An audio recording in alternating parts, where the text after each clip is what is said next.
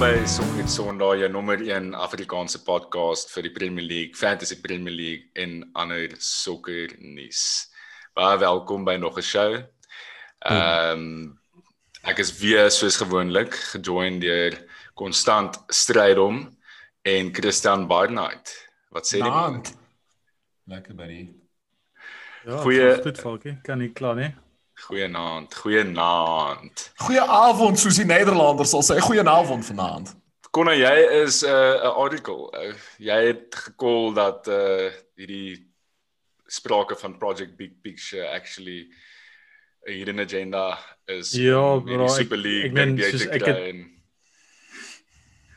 Ek het genuinely bietjie van left field af waar gekom en net soos 'n raai skoot gevat en ja, bro, dit was ehm um, ek het dit nie sien kom nie. En, en weet jy wat? Ek het ook nie hierdie gesien kom nie. So gee hierdie gou 'n sekonde Cresswell sends it in towards Rice. He couldn't get near. It Snodgrass was hoping it would drop. Lanzini! Dis wat 'n goal. Dit was so it bro. What it was insane. Ek het dit ja ek het letterlik Ek het die op die banke gehardloop Ek het letterlik geland soos 5 minute voor dit in die flat ingestap en ek sê vir Stitcher ek is Mr Worldwide kos kyk gou die laaste minute van die game. Letterlik bra gebeur het. Verloor ek heeltemal my shit. Was insane. Was epic goal. Kan ek wil net gou sê ek het ek het vir julle 30 minute in die game en gesê hierdie game is nie verby nie En daai nou like dit ek wou nou net vir daai credit gegee het. Ek wou vir Falkie gesê het hy sien net 'n article oor die Super League. Hy het twee ander calls ook soos belaglik reg ja, gekry. Hy het gesê da. 30 minute toe dit 3-0 nog 3-0 wag vir Spurs. Hy sê hy's nog soos boys die game is nie verby sê. Ek is nog as heel ironies en sarkasties en sê vir hom thanks Konna. En toe hy vir Saal reg gekry het soos Konna respek, respek. Ja, well done brother. Vandag op die agenda het ons 'n afskopvraag wat gevra is deur weer Grobbelaar. Uh dan gaan ons Mesut Özil se Premier League journey bespreek want dit lyk my dit het nou tot 'n einde gekom. Hot topics van die vorige game week, die Merseyside derby en dan die einste Spurs teen West Ham uh wat op baie hoë noot deur Lanzini beëindig is. Uh dan gaan ons fixtures om dop te hou bespreek onder vat Arsenal, Leicester, ek gaan West Ham City en Barnes, ek gaan met United en Chelsea afsluit. Ons draai dan na ons SS vrae toe en dan gaan ons ons gewone fantasy Premier League uh topics bespreek. Lekker, boys. Kom ons spring direk in dit in. Die afskopvraag van Weeg Grobbelaar op uh Instagram was: As jy enige legend van jou klub kan terugbring, wie sou dit wees? En sy sy antwoord, hy sê United fans se antwoord was Nemanja Vidic. Baans, ek begin sommer by jou. Nemanja in die kringe. Jesus, dis 'n moeilike kyk. Dis 'n baie moeilike vraag want ek is ook 'n United fan en ek gaan eerlik wees soos deur die Premier League era het ons verskriklik baie influential spelers gehad wat letterlik die klub geshape het oor die die koers van die 13 Premier League wat ons gewen het in die spasie van op daai stadium wat 20 jaar wat ook al.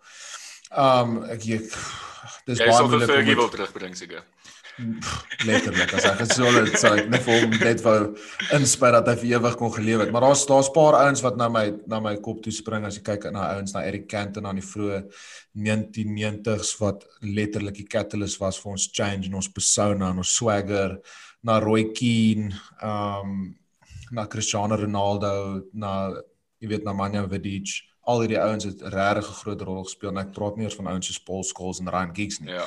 Maar as ek een ou moet kies, die ou wat vir my Man United opsom en wat ek dink nou ook ons nodig het en ons gaan later 'n vraag ook daar beantwoord, gaan ek gaan met Roy Keane. Ek gaan gaan met Roy Keane so tussen 1998 en 2002.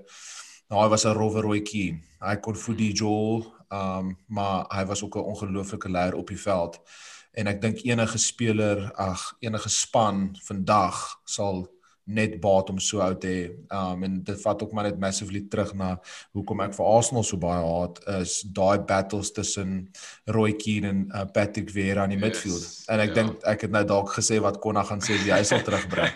maar hy gaan seker sê iemand anderste, maar ja, ja Roy Keane sal ek sê. Ook. Ja, ek neem aan jy wil nie uh, vir Vidic hê nie want jy het nou vir Axel, wat sy naam Axel Twanzebe, nog gister ja, ons performance.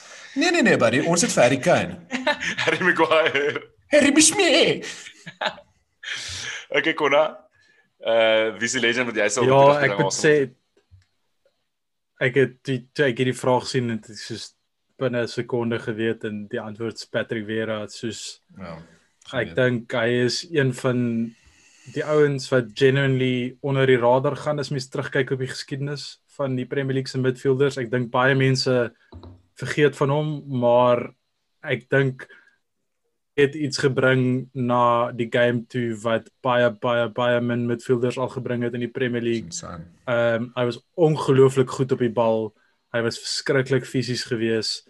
Ehm um, sy engine wat hy gehad het, sy Goal. vision, sy finishing, Ja. letterlik soos hy was Was complete complete Complete midfielder. midfielder. Ja. Kan ek gou vir vra Konna, is die naaste wat ons ooit aan hom gesien het nadat Yaya Toure in daai season wat hy so mal was vir City? Is hy die naaste For wat sure. ons aan Nie eers daai nie eers net daai een season nie, 'n paar seisoene. Ja, ja, for sure, is die naaste is die sure. naaste wat mense gesien het aan hom. Maar Konna, dink jy dink jy kan dieselfde sê van Kudo, dink jy soos hulle altoe was bietjie overlooked want ek dink as jy meerderheid mense nou vra as hulle moet terugkyk na die beste midfielders in van die Premier League era, hulle gaan hulle gaan teen teen en drie mense sê, hulle gaan sê Gerrard, Lampard, Scholesy. Dit is bietjie verder terug. Dis bietjie verder terug vir ons generasie. Maybe. Ek dink ek dink wat mense baie keer na vaskyk is is, is die feit dat daai ouens was one club players. Verstaan jy en en hulle Flair. hulle hele karier in die Premier League basies gespeel. So Mm. yes, okay, Gerrard en Lampard het 'n bietjie in Amerika gaan jol, maar soos niks ernstig nie. Hulle hulle prime karier en selfs hulle na prime karier was meestal in die Premier League gewees. Ja. So jy jy neig om by hulle vas te sit, maar ek dink as jy gaan kyk na die kalibers, daar 'n paar ouens wat soos bietjie Ja. deurval en wie wat na wie mense altyd dink. Moenie En die vergeet, moenie vergeet van Lampard se cameo by City toe hy vir vir Chelsea Ja. ge, Chelsea gewen het. in die final minutes van 'n Premier League. was so awkward. Ja, dit was so ook ek, ek dink actually hulle het, uh, Chelsea was contenders vir die title op daai stadium gewees. Maar was dit nie was daar nie was daar nie 'n issue met sy deal dat hy eintlik New York City toe moes gegaan het en toe kon hy nie gegaan het nie en hulle was geouen deur Man City en toe het hy opgeëindig by Man City of was daar nie so ietsie of het Ja, ek dink gedroom so. gisterand? Ek dink- ek dink nie hy was baie lank daar nie. Ek dink hy was 'n halwe Nee, hy was hy was 'n halwe seisoen ja. Maar Ja. daar was daar ek ek kan onthou daar was dit was nie so 'n eenvoudige dingie want Frank Lampard sal nie uit sy eie dink ek vrywillig besluit het om op loan te gaan Man City toe op daai stadium nie. Ons Ek sal- kan nie ons- dit dink nie. Ons gaan nog een of ander tyd sal ons bietjie vir Frankie inkry vir 'n interview en dan kan ons bietjie met hom Yes, chat daaroor en by yes. by hom hoor presies wat gebeur het. Ehm um, okay, so so die legend wat ek sou terugdink, ek ek het ook nou gedink obviously uh die feit dat Virgil van Dijk uitgemees vir die hele seisoen het uh ek praat nou van nou, wie sê ek nou wil terug hê. So in in lig van dit het ek onmiddellik gedink Sammy Hipia want hy was 'n legendary centre back vir ons gewees en hy's 'n perfek inslot op daai posisie waar Virgil nou 'n moetse gap los. Maar ek kan nie verby uh Steven Gerrard kyk nie. Uh prime Stevie G tussen 2007 2009 uh Ja. is maar net ek uh, Hy jy kan hom in enige span sit en hy kan vir jou enige job doen. Jy kan Ja. Maak nie saak waar jy hom wil jol nie, hy gaan vir jou 'n job daar doen. En uh ja, ag Stevie, ek mis vir Stevie meer ek ek mis nie sy goals soseer as net om hom te sien speel nie. Soos Mm. net soos sy, Sy games, presence, ja. net sy presence, sy leadership, Mm. sy veral met jonger speel. Ek dink veral nou soos uh Baans is interessant wat jy genoem het van Henderson wat ons meer moet manage soos byvoorbeeld hy staat nie teen Ajax nie want ek dink is juist Yes. vir dit. Klop weet obviously hy kan nie nou weer kans vat met uh, om vir Hendo uh, nadat hy vir Virgil verloor het nog 'n leader van die veld af te hê nie. Ehm um, as jy vir Stevie daai het dan het jy daai leadership ehm um, en dan obviously net die belaglike ability wat hy het. Uh so dit is uh my legend wat ek sal wou terug. Dis crazy dat ons al drie het net Midfield. baie selfde tipe, jy Mm. weet, soos iconic midfielders wat okay die ouens kon jol, maar hulle personality was groter as die game. En dit voel vir my asof dit ook bietjie massively lacking is in die modern game. Wanneer het laas jy iemand gesien sins weet wat Bruno Fernandes wat dit kan doen, jy weet? So jy sit jy vir Bruno sit jy vir Bruno nou en hulle in daai in daai kategorie van spelers. no comment, uh, no comment. Ek kom kom ons praat van 'n van 'n legend van die game wat hierdie uh crazy decline gehad het in sy in sy loopbaan en dis Mesut Özil. Kos kos staan bietjie stil by hom. Dis 'n chat wat ons al lankal wou gehad het op die program. Ek meen daar's al baie controversial goed wat gebeur in die afgelope tyd. Uh ek onthou vir Mesut Özil as ek onthou vir Wenger met so 'n raai smile op sy gesig toe hy by 'n press conference mos gesê ek kan nie onthou kon jy gaan vir ons sê presies maar almal was so half ek het daar gebeur iets môre en uh toe het hy daai crazy seisoen ek dink dit was sy tweede seisoen wat hy 19 assists en 6 goals gehad het. Um tot waar hy nou is waar hy nie geregistreer is vir die Premier League squad van Arsenal nie. Um 4 jaar later of 5 jaar later. So dis 'n ongelooflike decline um en daar's klomp verskillende faktore en talking points obviously. Um ek dink nie dis baie eenvoudig nie, maar kon jy gaan definitief die meeste van die van die detail vir ons hier kan gee want jy het sy journey obviously gevolg. Wil jy ek moet eers gaan of wil jy ek moet Ons wil jy iets sê, dit lyk of jy of jy of jy voor ja, kon wil begin. Ek het a, ek het 'n baie interessante storie van Mesut Özil eintlik. Um ek sal nooit vergeet ek en my broer toe soos einde hoërskool was, was ons absoluut sokker fanaties. Dit is soos elke liewe stukkie sokker gekyk het wat ons ons aan ook op, op kon gekry het. En ons het in 2009 my matriekjaar 93 tot ons um die Here aan 'n 21 championships gekyk en Duitsland het gespeel in Engeland in die final en daar was 'n ou wat man of the match was was Mesut Özil. Ek sal dit nooit vergeet nie en hy was incredible. Hy was insane en ek het geweet op daai oomblik die ou gaan definitief iets word. Ek het nie gedink hy gaan uitdraai waar hy is vandag nie. Dis my sad om te sien waar hy is vandag want ek dink die Mesut Özil by Real Madrid, um die Mesut Özil aan die begin staan van by Arsenal was een van die coolste spelers. Hy het net hierdie smooth. Daai jy weet daai klip, waar's daai klip waar Konna daai gif wat hy so teen hulle speel teen een van 'n Turkse span wat hy die ouens so 3 keer dummy en dan chip hy dit net so oor in slow mo. Daai Exactly, daai is vir my Mesut Özil. Ja, daai is vir my Mesut Özil. Hy het net hy op sy beste het hy net alles laat stadiger lyk en hy was net so smooth en so goed op die bal. So dis my sad om te sien waar hy vandag is en sal graag meer ja, details hoor van Konna af vir my is hierdie ook 'n dis vir my baie slegte scenario. Hierdie Mesut Özil is en bly een van my gunsteling spelers wat ek al gesien sokker speel het eerlikwaar. Ehm um, ek onthou ek onthou daai 21 championship en ek onthou 2010 World Cup. Ek was by die by die Argentinië Duitsland quarter final gewees. Mm en Mesut het gejol daar en ek sal net nooit vergeet hoe soos hoe mesmerized ek was met hierdie ouens van daardie dag af ek meen ek het hom gevolg van daar af al die pad en altyd gewens hy kom Arsenal toe en soos jy sê toe mense daai aand daai daai smile yes. van Wenger sien toe net sê net so moer so smal gee net sê we'll see we'll see maar het en, iemand vir hom iets spesifiek gevra oor Özil of het hy net so gevra ja nee eerlikwaar daai transfer, mense het gehoor van dit 'n uur voordat dit gebeur het. Letterlik, ja, maar ja, dis wat ek nou sê, Konna was dit nie soos en, minute voor die deadline het dit gekonfirm. Ja, yes, dit was dit was een van daai met soos 'n deal slip en al daai goed soos wat bietjie ja, laat gegaan het. Fax masjiene. Ek dit dit was soos dit was ek dink middernag gewees in Suid-Afrika. Letterlik. Ja, ja, ja. ja, ja. Dit was ek soos van wat? Almal het hulle gesigte verloor. Ja. Ek was so happy geweest en Ja, dit was incredible. Ek uh dis vir my verskriklik hartseer want ek het hom al nou live sien speel ook en eerlikwaar daar die hoe maklik hy die game maak is ja. ongelooflik. Ja. Die die kontrole wat hy het oor 'n bal is letterlik unreal en dis dis vir my regtig hartseer en uh, wat my frustreer is dat kyk ek gaan sommer van die begin af sê ek dink nie die klub het dit noodwendig reg hanteer die afgelope 2 3 jaar nie. Ehm um, op die ouene van die dag is dit die klub se fout dat hulle vir 'n kontrak gegee het, nie sy fout nie. En hy's geregtig om te doen net wat hy wil. Ehm um, maar wat ek sal sê is dat en waar ek verskriklik verskriklik frustreerd is is dat met al sy PR stands en vandag se media statement hy bly maak homself altyd die victim in die scenario.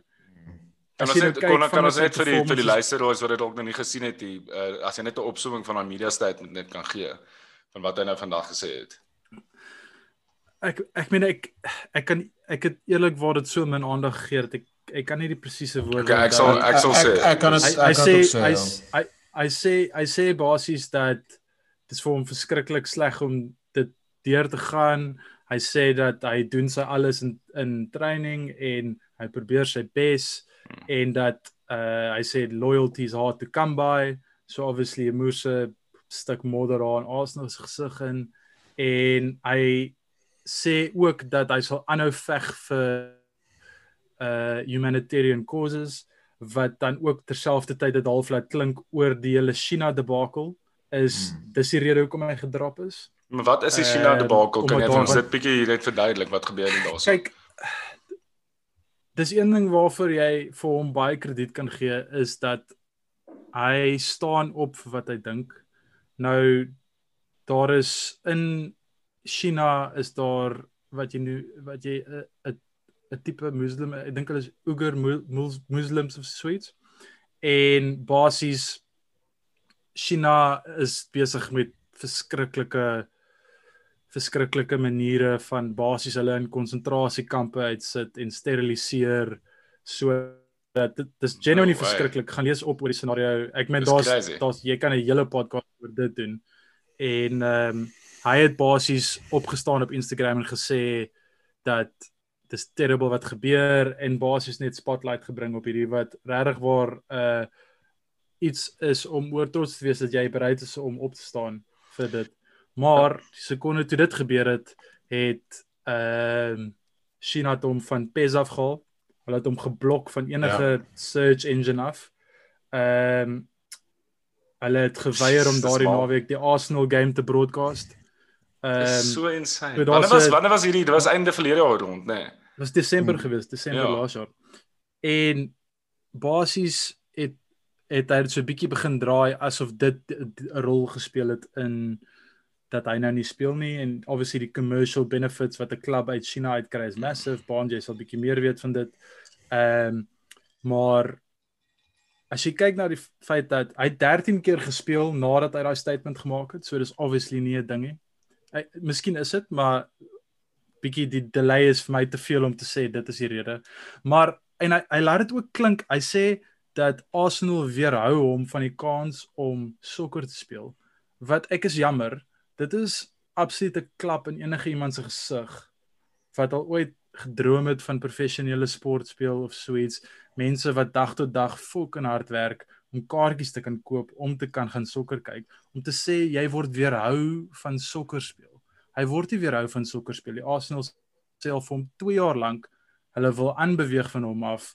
Hy is nie deel van die langtermynplanne nie. Hy gaan nie 'n nuwe kontrak kry nie. En hy sê net hy gaan bly tot die einde van sy kontrak dit maar, gaan maar so so hulle het hom hulle het hom bietjie uitgevries dan in daai sin. En want ek meen uh, nee nee dis dit duidelik. Ja. en en en ek sal nie sê ons het dit noodwendig altyd reg hanteer nie.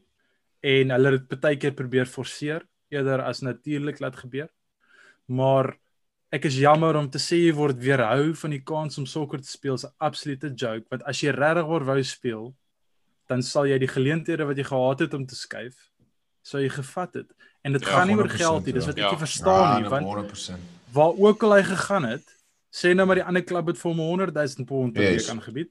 Arsenal yes. sou die ander 250 per, uh, pond 250 000 pond per week moes betaal. Hy sou hmm. altyd presies dieselfde hoeveelheid geld gekry het. So ek verstaan ja. nie soos wat ons met Sanchez Exactly. Ek verstaan nie hoekom hy so adamant is dat hy moet bly nie. En ja. so vir hom om uit te kom en te sê hy word weerhou van die kans om sokker te speel asof no. asof hulle hom met ketTINGS vasgemaak het in die kleedkamer. Ja. Dis, dis bullshit. Jy weet hy waarmee hulle hom vasgemaak met sambrele. dit dit eerlikwaar dit dit pis my af en dit dit dit is vir my verskriklik hartseer dat hierdie is hoe ek voel oor een van my gunsteling spelers. En hy bly een van my gunsteling spelers. Eerlikwaar ek so bly kon hom sien speel in my lewe. Ek kon ek wil eintlik ek wil ek wil hierdie vraag vir jou vra wat jy ek dink dis regtig wat mense mee gaan sukkel want hy's so top speler maar daar het ook al so baie gebeur um van die veld af. Um hoe gaan Mesut Ozil onthou word?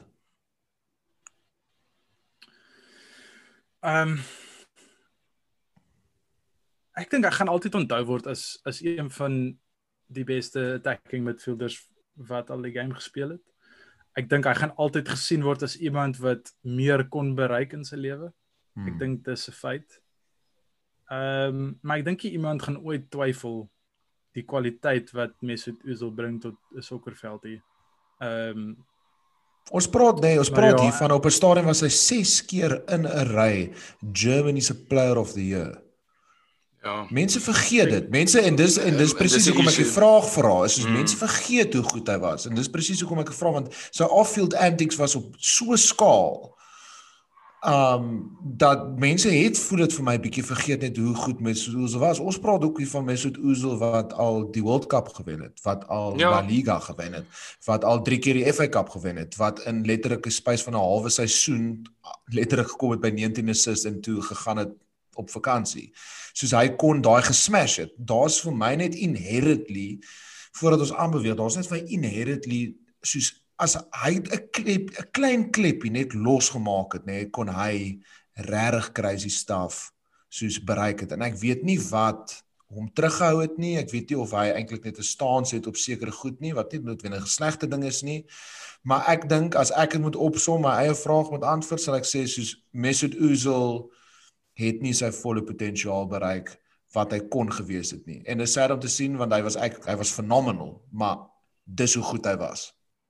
Kyk en mense gee hom verskriklik baie moeilikheid oor die hoeveelheid geld wat hy verdien en yes, sy sy output justify nie noodwendig die geld wat of justify nie die geld wat hy kry nie, maar een ding wat jy vir hom moet gee en wat mens moet die luisteraars aan herinner is dat hierdie ou doen ongelooflik baie charity werk af van die geld veld af en baie van daai geld gaan genuinely terug in gemeenskappe in in Duitsland, in Engeland, Turkye. Turkye. na die Brazil, na in Turkye, na die Brazil World Cup het hy 'n uh, 'n uh, 'n uh, charity daar gejoin wat soos kinders help skoene kry wat nie skoene kan bekostig nie.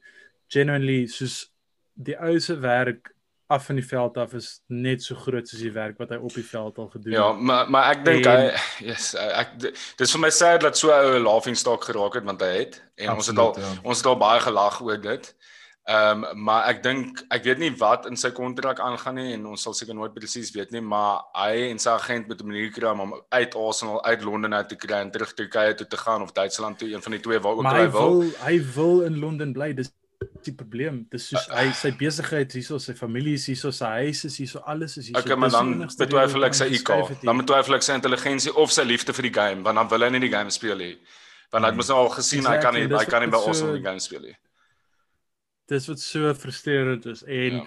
om eerlik te wees, uh, enigiemand wat Arsenal Twitter accounts volg wat na Arsenal podcast luister, almal is nou op daai punt van weet jy wat, ons het nou oor hierdie gechat en ons het nou genoeg hieroor gechat die afgelope 3 jaar en Dis is 'n ek verhouding waar jy sukkel om uit die verhouding uit te was kom.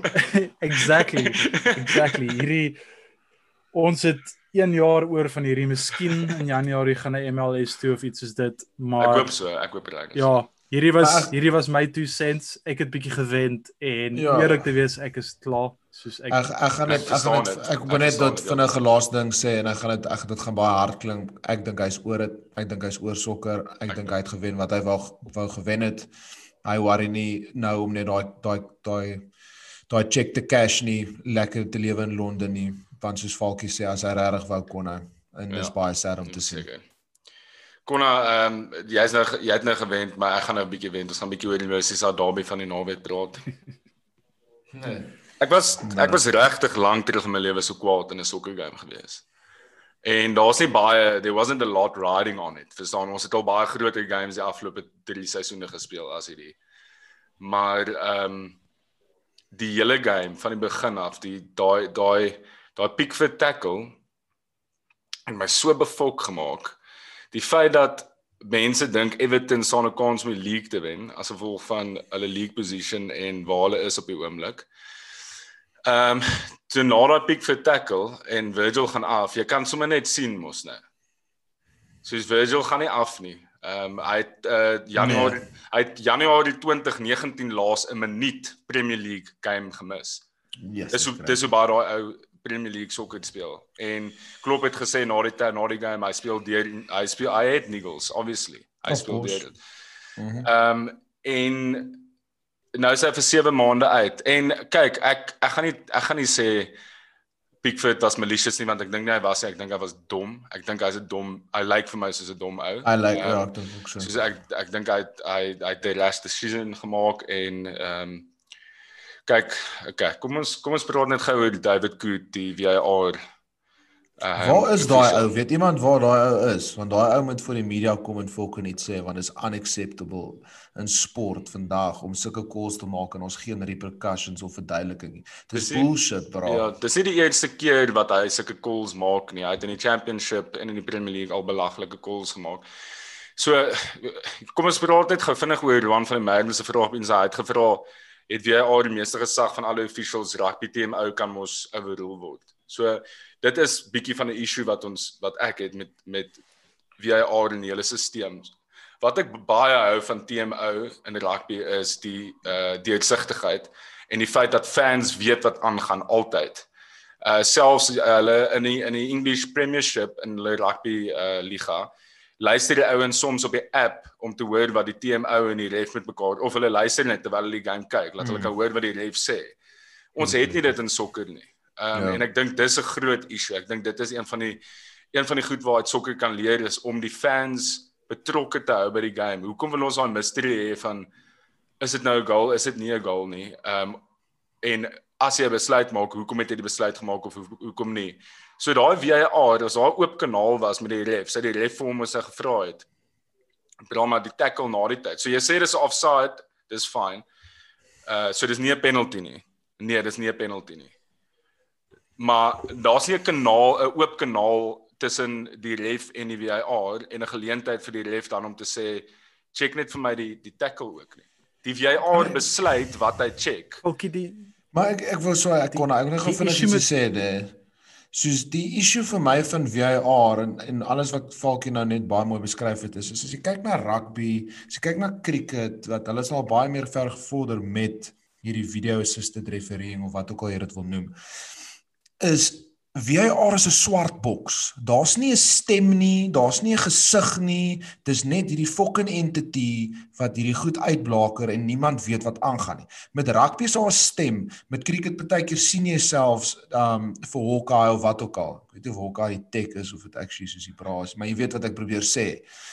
Met VAR, dis net hierdie ding wat niemand weet, niemand weet wat dit is of wie die calls maak nie. Wat ek net wou wat ek hou van VAR en wat ek wil hê dit moet doen is is VAR moet die ref assist en dan moet dit weer net die ref gee die kans om na die kant van die veld toe gegaan in sekere gevalle om die tweede opsie te gee om te kyk na dit en hy moet die laaste call maak. Die ref voel vir my moet die laaste call maak. Want dis te maklik vir daai boys om 'n call te maak en net uit te back en dan sit net soos Here, dis net daar. Weer eens, soos die ou, wie's die ou? Falkie, wat se naam nou weer? Nee, Dion wie? Verstaan, so, so, die ou. So dis die probleem by ons is VAR het so, VAR het dis nie spesialiste nie.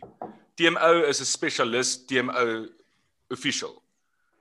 Hierdie ouens is refs en verskillende ouens buddy buddies met mekaar fucking hier hierdie ou. Ja. Eh, ehm um, wat nou die call maak. Daar jy kan so maklik die die blame shift en ek dink dis die groot kyk dis die groot verskil vir my van van VAR tot tot rugby TMO om, om Ruan se vraag te beantwoord is daar's 'n baie duidelike verantwoordelikheid wat geneem word deur elke ou wat betrokke is by daai call want almal hoor dit en ons kan dit gaan terugluister yes. na en ons yes. kan hoor wat die gesprek is yes. en die ref die ref kan in rugby vir die team ou vra check die grounding Ruan was dit 'n 3. Ehm um, uh, uh Herschel se voet lyk of dit uh links op die lyn uit is. Check net of dit nie 'n line speler is nie. Jy weet, exactly. hoekom kan mense nie met VAR dieselfde tipe van oop kanaal hê? Exactly want exactly. nou want ek weet hulle dit het gegaan aanvanklik oor te veel tyd.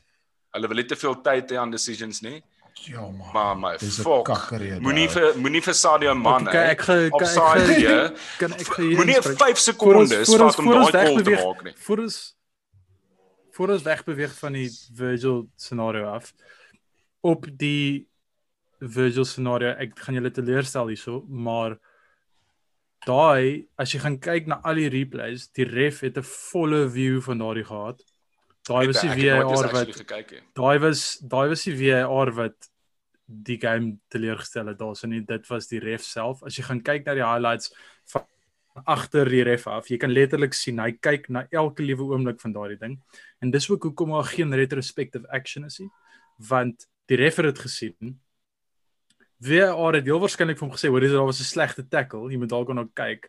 Hy het heel waarskynlik vir hulle gesê, ek het dit gesien, ek dink dit was fine geweest. Want hulle praat, ons hoor net nie wat hulle sê nie. hè. Wat dis die issue? Hy Ek, het dit gesien. Hy het hy het daai challenge maar- gesien. Die die issue met VAR en hierdie gaan oorgaan na die tweede besluit waar Falkie definitief befok gaan raak vir my.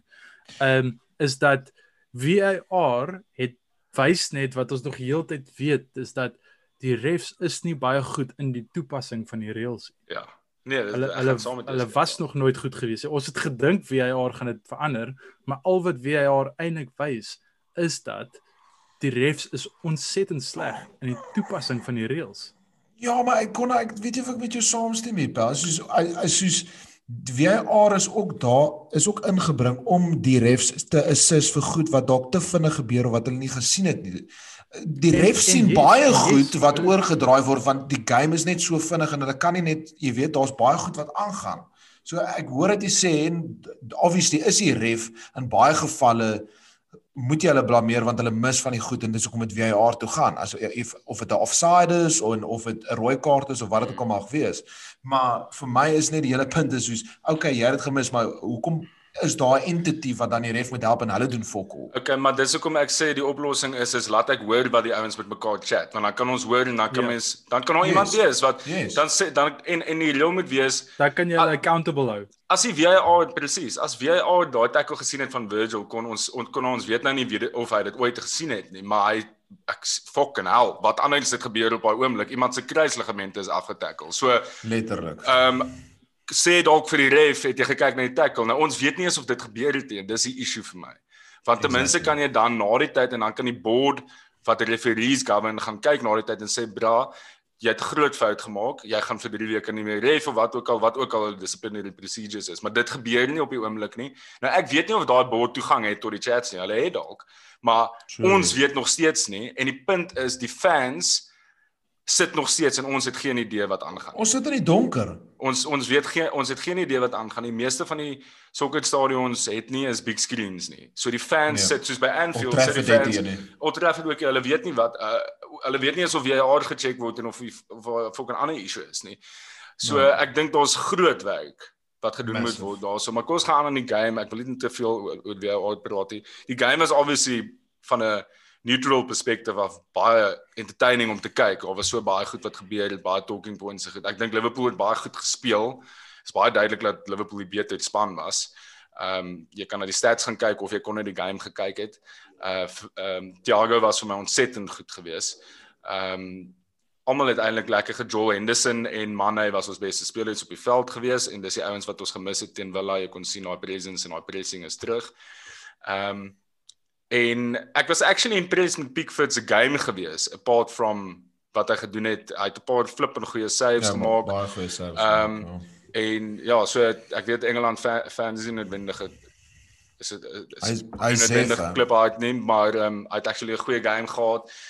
Ehm um, ja, ek dink Coleman is bly is af want hy so harde tyd gehad het teen aan die linkerkant af teen Mane en Robertson. Hy het baie gesukkel in daai eerste 10 minute. Ehm um, en dan Dominic Calvert-Lewin, uh alles wat hy nou raak is 'n goal. Hy's maar net daai goal van hom is 'n flip en goeie header. Hy dit lyk soos Ronaldo as hy spring op die oomblik. Ja, man in Ehm, form. Hy's 'n baie goeie atleet. Jy kan sien hy's hy's baie sterk. Uh hy boelie mense. Dit lyk nie lekker om teen hom te speel nie. Ehm um, en dis presies hy daai een kans gehad en hy ek dink hy het twee kansse gehad, maar daai een mooi weggesit. Ehm um, Benign. ek kan nog ek het nie eintlik ander klagtes oor die game as die laaste klagte wat ek het dat dit so mooi einde tot die game is wat opgefok is. Ehm um, toe Thiago daai blind pass gegee het vir Mane, Mane turn Henderson, what a finish tot die game. Dis mos nou presies wat ons wil hê. Wel behalwe Everton fans hierdie climatic einde tot die game. Ons captain score die wenner. Hulle gaan mal en ehm um, ewe skielik ehm um, kyk hulle gou 6 sekondes offside. Bro, ek het nie eens gesien hulle check dit dit so vinnig verby gewees. Dis 'n dis 'n massive call in 'n derby en jy vat ek dink hulle ek ek ooreageer nie 6 nie, maar 15 sekondes. Ek sweer hulle dit was een van die vinnigste VAR calls wat ek in my lewe al gesien het. En daai- En daai is mos nou presies die tipe call waarvoor jy vir die ref sê soos ons moet net 'n bietjie chat oor hierdie en net kyk. Maar die issue is nou weer eens met die reels en Konna, ek weet jy gaan vir my sê dit gaan oor die reels en dit gaan oor die science agter dit en Ook die dit. die masjien het die call gemaak.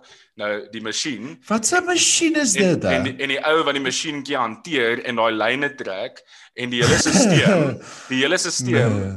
is fucked up en Dis flawed, bro. dit is heeltemal flawed Nee. en en dis vir my baie hartseer dat daai moment Wat se lyntjies is dit? Dis Het al daai lyntjies bullshit. Ja, maar bro, wie's offside daar? Man hy's 'n fucking Kan mou. ek dit gevinnig kan ek dit gevinnig hier inspring? En Asseblief. ek gaan sê dat ek het verkies nie hoe dit eintlik is nie. Ek dink nie dis reg nie. Soos Falkie sê, dit vat die spirit uit die game uit, hierdie magical moments. Jy moet wag vir dit. Ek het dit al soos ek sê, ek het dit al live beleef as kak as jy sit en wag en jy weet nie wat gaan aan nie. Dis genuine jy sit daar, jy weet nie wat gaan aan nie. op TV kan jy ten minste nog Maar maar en dis 'n groot maar. Almal moet nou 'n bietjie gaan sit, terugkyk na hulle self 3 seisoene terug, 2 seisoene terug.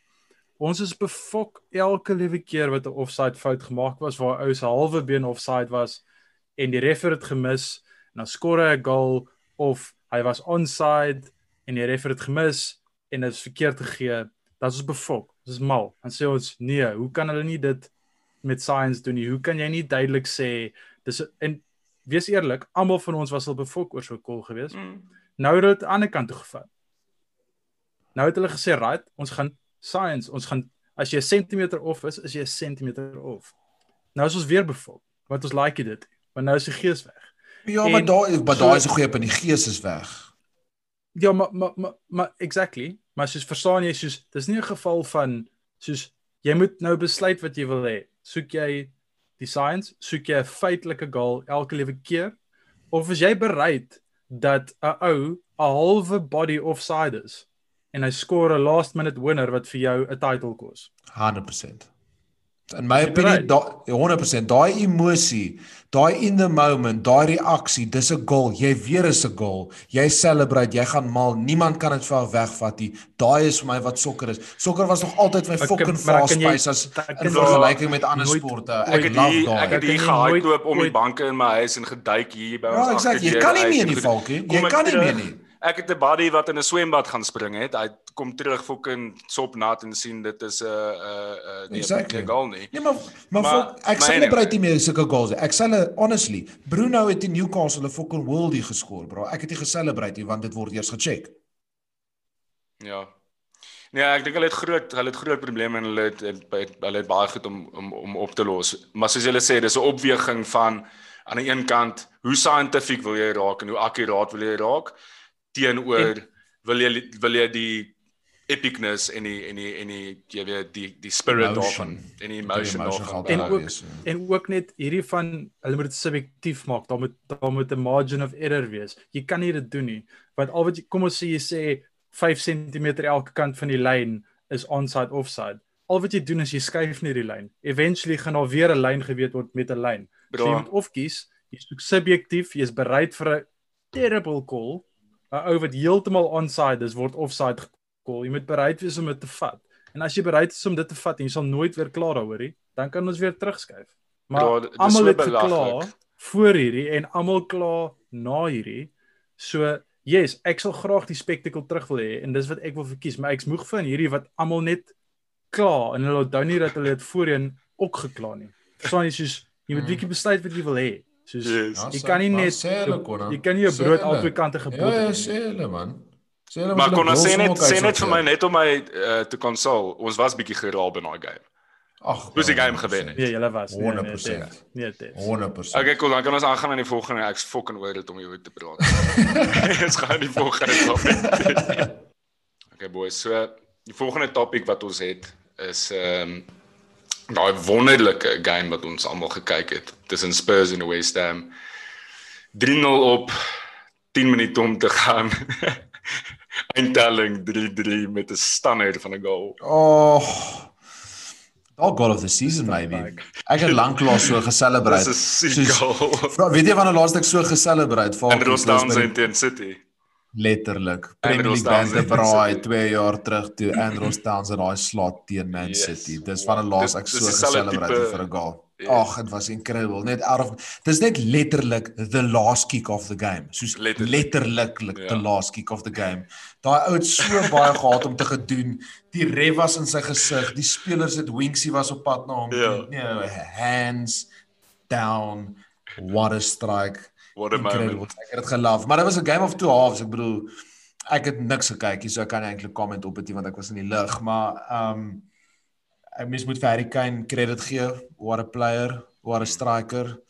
Een van die beste passers in die Premier League, een van die beste finishers in die Premier League. Hy lyk like wit warm, Sonny lyk like klas bedoel Bale het dit baie amper net 'n stapie te ver gevat vir West Ham. Sensational sy daai staak exactly. as Bale geskor het met 'n ja. bereik van. En dit gaan en dit gaan kom as jy kyk net hoe hoe rustig hy was op die bal om hy binne buite soos ja. half in te bring en en hy het net die finish bietjie gelek en dit is net lack of match fitness. Ek bedoel die ou mm. speel al vir mm. hoeveel maande golf.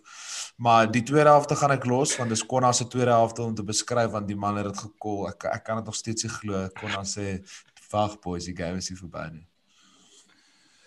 Uh ja nee, ek moet sê jy jy, jy moet vir Spurs ongelooflik baie krediet gee. Daai daai eerste helfte was scary geweest. Hulle is so efficient in wat hulle doen vir Sonny. Jy kan sien daai gameplan is opgesit vir die sekonde wat hulle daai bal kry. Almal weet presies wat hulle moet doen en daai hmm. Kane Son combo is deadly, jo. letterlik jo. soos dis unreal. Dis dis een van die beste partnerships vir die Premier League in 'n lang tyd gesien, sal ek hmm. sê in terme van net hoe hulle klik. Dis ja. een wat die ander een support amper altyd. Ja. Soos dis ja. of en genuinely dis ek meen Kane like in baie goeie vorm as hy fiks kan bly dan gaan hy dis, baie dis nog steeds vir crazy dat mense hom is nog steeds vir crazy dat mense hom doubt. Soos daar's nog steeds mense wat hom nie ry nie. Soos die ou ja. skoor al vir wat vir Doubt net sy is so Dis Ja, maar soos kon hy skoor al vir so 5 6 jaar in 'n ry 20 goals plus consecutively en hy's injured baie keer ja, ek, en hy doen nog steeds. Ek sê ek ek ek twyfel nie twyfel nie sy quality nie. Ek twyfel die feit dat hy gereeld beseer raak en dit dit maak hom moeilik om reliable te wees. Ons ek dink hy's maar net 'n karakter wat mense like om self bietjie te tune. Die feit ja, dat hy ag Spurs kry mos maar baie teenkanting van van baie van baie angles in die rigtings af obviously meestal Arsenal fans. Ehm um, en dan is hy die ouetjie wat Engels is en maar hy kan nie Engels praat nie. Ja, en hy's cap in my say, hy's cap in my say niks hier. Hy was Spurs dan gekyk. Gaan so fucking fucking win. Hy's so mooi so baller. so so hy is hy is maar net 'n karakter dink wat ek dink mense like om vir gat te vat, maar ja. hy's op die oomblik hy's die, die beste striker van 'n bal in die Premier League. As jy oh, as jy kyk net nou hoe hy balle tref.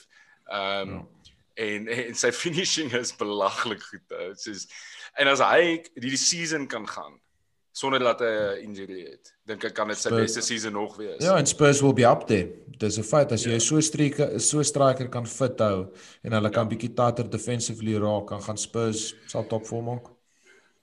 Nee, verseker. Ehm um, vir my en die rede hoekom ek gesê het 30 minute in die game en ek dink hierdie game is verby nie is omdat hulle was 3-0 op en dit was great goals elkeen gewees maar dit was elke keer 'n geval gewees van soos sensational link up play. Ek sal nie sê hulle het vir een oomblik of ek weet ek's biased maar in my opinie dink ek hulle het vir een oomblik die bal en territory so erg gedominate dat ek gedink het hier gaan net nog meer goals kom hier. Ja. Verstaan jy soos West Ham het vir my gelyk asof hulle beter is op die bal in terme van hoe hulle die bal beheer, hoe hulle territory beweeg, uh beheer veral na die tweede helfte van die van die eerste helfte en definitief die tweede helfte soos hulle was heeltyd op die bal gewees en hulle het baie meer met die bal gedoen as wat Spurs met die bal gedoen het in my opinie.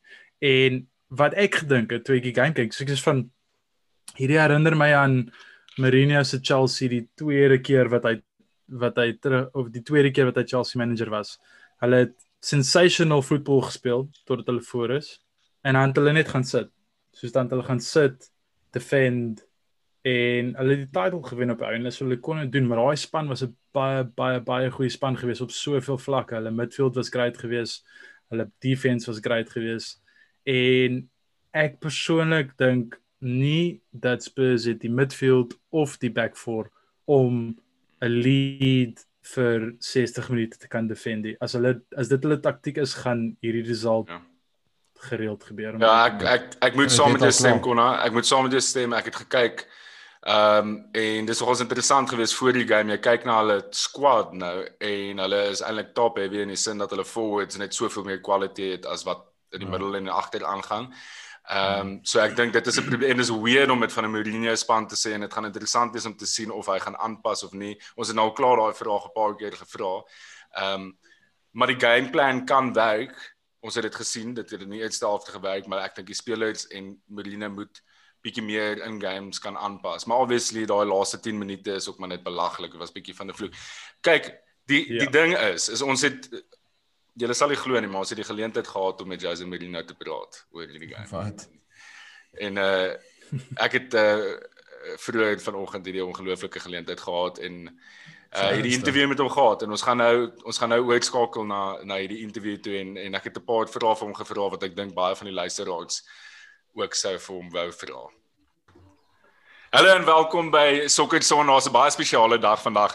Uh die ouens behind the scenes het 'n paar uh touwtjies getrek en en 'n paar ouens gebel en vir ons die geleentheid gegee om met 'n baie baie spesiale persoonlikheid van sokker te praat. Ehm um, om met die hierdie ehm um, interview te doen gaan ek ongelukkig moet oorskakel na Engels toe. Ehm um, so I just want to say firstly um the person that we have on the show today and the person that I have the honor of interviewing is probably one of the biggest and uh, most enigmatic personalities in the world of football. And it's a massive honor for a very small uh, podcast like Soccer Sonda to have an opportunity uh, to have a discussion with you. Uh, the man uh, on the other side of the screen is Jose Mourinho. Believe it or not, welcome to Soccer Sonda, Jose Mourinho. Hello. Nice to be here. Thank you very much for inviting me to your little slice of heaven here in South Africa. I'm good. I'm good. Thank you. Thanks, Jose. Thank you very much. Once again, massive honor to have an opportunity to speak to you. And um, of course, I, I, of course. I, hope you will in, enjoy the few minutes that we have an opportunity to chat. And I won't take too much of your time because I know that you're a very busy man, um, and you, you, are in in London at the moment, I presume. Yes, of course, of course. I'm always close to my players. I like being close to my players. That is how I manage. That is how I've always managed, and that is how I will manage in the future. Thank you. All right, Jose, uh, let, me get straight to the questions. I don't want to waste your time. Uh, firstly, I want to know, um, what went wrong in that last 10 minutes against West Ham? I mean, you were in control of the game in the last 10 minutes, the wheels fell off. Yes, people like to talk about the, uh, the last 10 minutes always. What went wrong? Why not talk about the first, first 80 minutes of how we played? Obviously, very frustrating for, uh, for the players for me personally. Um, you know, son scoring first first minute of the game. Son, my son. Uh, Kane eighth minute. Then you have uh, then you have uh, Kane scoring again.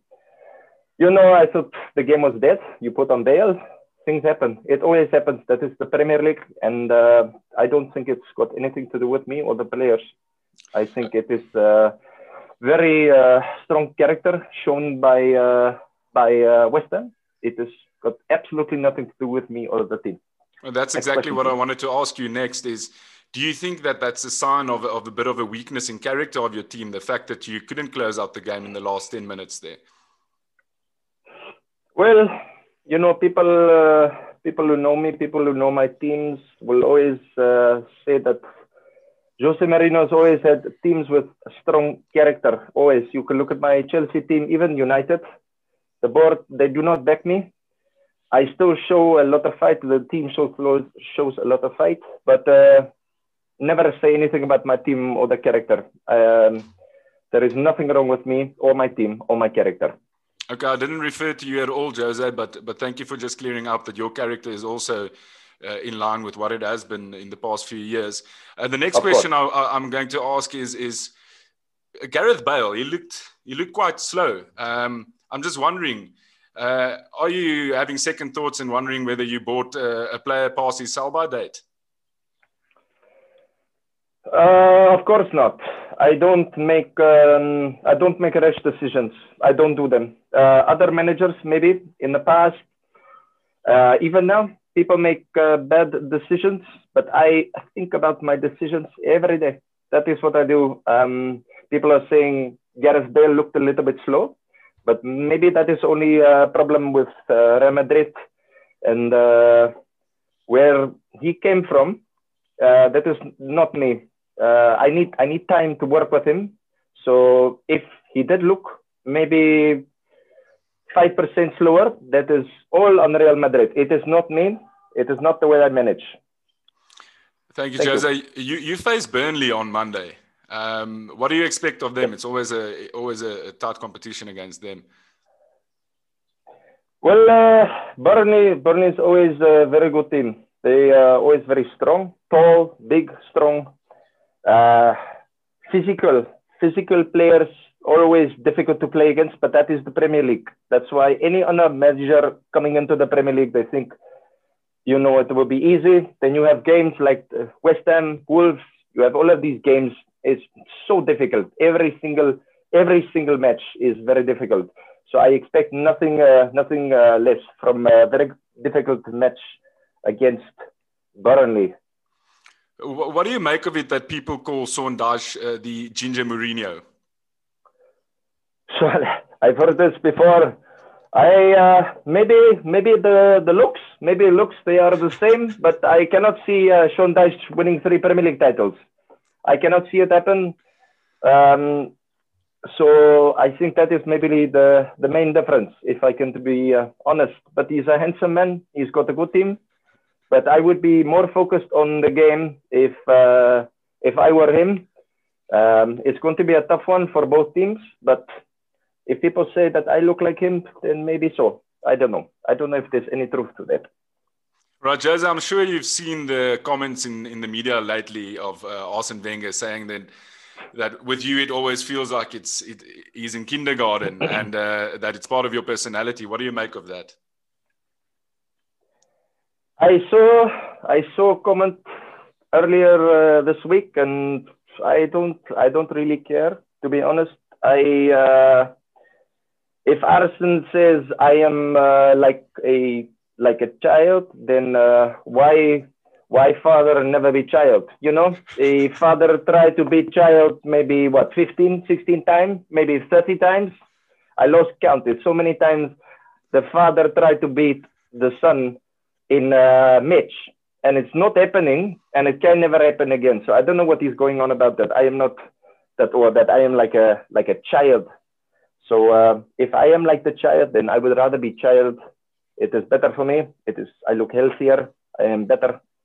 I just think uh, he should maybe focus on his book like he did earlier when he wrote well, it. We'll obviously attempt to to get uh, uh, Arsene to respond to these comments on So Good Sonda. Uh, we're still a very small media company, but at the moment uh, we're growing quite quickly, and uh, we we aim to we, we aim to have uh, chats with all the managers in the the current Premier League and and as well as ex managers. So hopefully Arsene yes, Wenger can respond to this. Uh, Jose, I just want to say from from everyone at Talk with Sonda, thank you for the time. Uh, thank you for your effort. Uh, we know that you're very busy. Good luck with uh, the traveling. I know you've got a Euro- Europa League game coming up, and then you've got the the yeah. Burnley match on Monday. Um, Too many games. of course, uh, isn't that what you always say? Yeah, no, no, no. This is uh, this time is serious. too many games, but yeah, that is that is the Premier League. Thank you, Jose. I really appreciate your time. Thank you very much, uh, Christopher. This was a fantastic show, and I would love to be here on again. Thank you very much. Thank you. Bye bye. Okay, so dit was uh, ons interview gewees met Jose Mourinho. Wat het nou net gebeur, bro? dit was fucking crazy. Jose the Mourinho. oh nee, brilliant. Ek moet sê dit was nogal 'n intimiderende ervaring geweest. Yes. Stink hy, Falkie. Nee man, ek was nie by hom nie. Hy was in Londen. Ja, okay. Okay. Ehm um, okay, so fixtures om dop te hou. Konna chat bietjie met ons oor Arsenal en Leicester. Hoe voel jy op die oomblik oor die Gunners? Jy was nie baie confident gewees voor City nie. Hulle het toe gaan staan 1-0 verloor, maar dis nie ek meen dis dit, dis nie 'n shocking result soos wat jy in die verlede al ervaar het teen City nie. Hoe voel jy op die oomblik? Wat is jou gevoel oor hierdie game? Ek sien uit na hierdie game. Ek dink hierdie gaan 'n baie lekker game wees om te kyk. Ek dink ehm um, al twee spanne gaan bietjie meer vir dit gaan.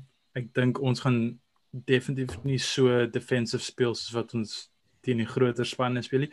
Ek het 'n baie interessante stat gesien dat van dit Arteta oorgeneem het is iets soos 'n derde van sy games is teen Liverpool en City. O, ek het dit gesien hoor. So dis dis absurd. Wat dis Ja, maar dis obviously uh, all comps, maar dis baie weird. en dis obviously stats SA. Ja. maar ja, so ek so dis hoekom ons gereeld so defensive lyk, like, maar ek dink hierdie game gaan baie nice wees. Ek dink albei spanne gaan vir dit gaan. It's obviously twee spanne wat in daai top 6, top 4 reis is en ek ek hoop waar die kom nie terug nie. Dit sal vir my baie lekker wees om teen 'n Wadi Lus Leicester te Ja. speel. Ehm um, So toothless Leicester sonder Wadi. ek ek dink met waar die staan is 'n kans, 'n goeie kans. Ek dink sonder waar die staan is 'n baie goeie kans. Ehm um, Ek dit mis gaan interessant wees om Mustafi. te sien.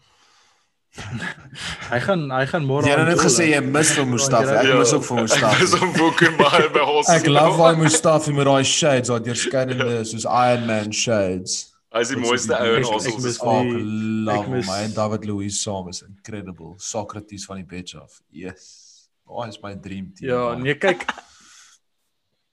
Ek dink nie Leicester het die seisoen sensational begin nie. Hulle lyk ook maar asof hulle 'n bietjie sukkel om heeltemal aan die gang Hulle kom. lyk Hulle net soos wat hulle eintlik is. Konna.